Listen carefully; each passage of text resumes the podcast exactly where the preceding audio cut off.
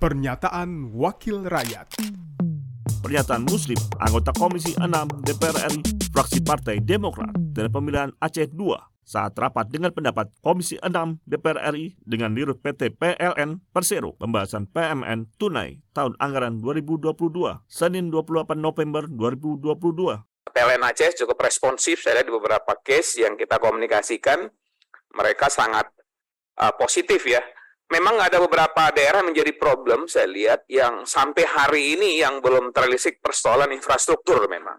Ini yang kita akan konekkan dengan kementerian terkait. Ada satu hal yang positif saya lihat Pak Dirut, kemarin saya lihat di PLN area Laut Semawe.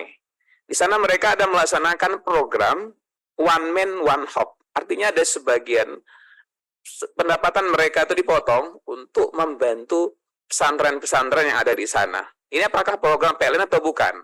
Saya melihat, tapi kalau ini program PLN, saya yakin ini sangat positif. Terus terang saya merasakan betul, apalagi daerah kami banyak sekali pesantren, Pak. Dayah-dayah itu yang saat ini mereka mengeluh. Sangat sulit juga kadang-kadang, bukan hanya persoalan menyambungkan listrik, Pak, menyangkut beban biaya. Jadi ketika PLN juga ikut hadir, mensubsidi itu, saya yakin itu bisa menjadi harapan. Pernyataan Muslim, anggota Komisi 6 DPR RI, fraksi Partai Demokrat dari pemilihan Aceh II, produksi TV dan radio Parlemen Biro Pemerintahan Parlemen Sekjen DPR RI. Pernyataan Wakil Rakyat.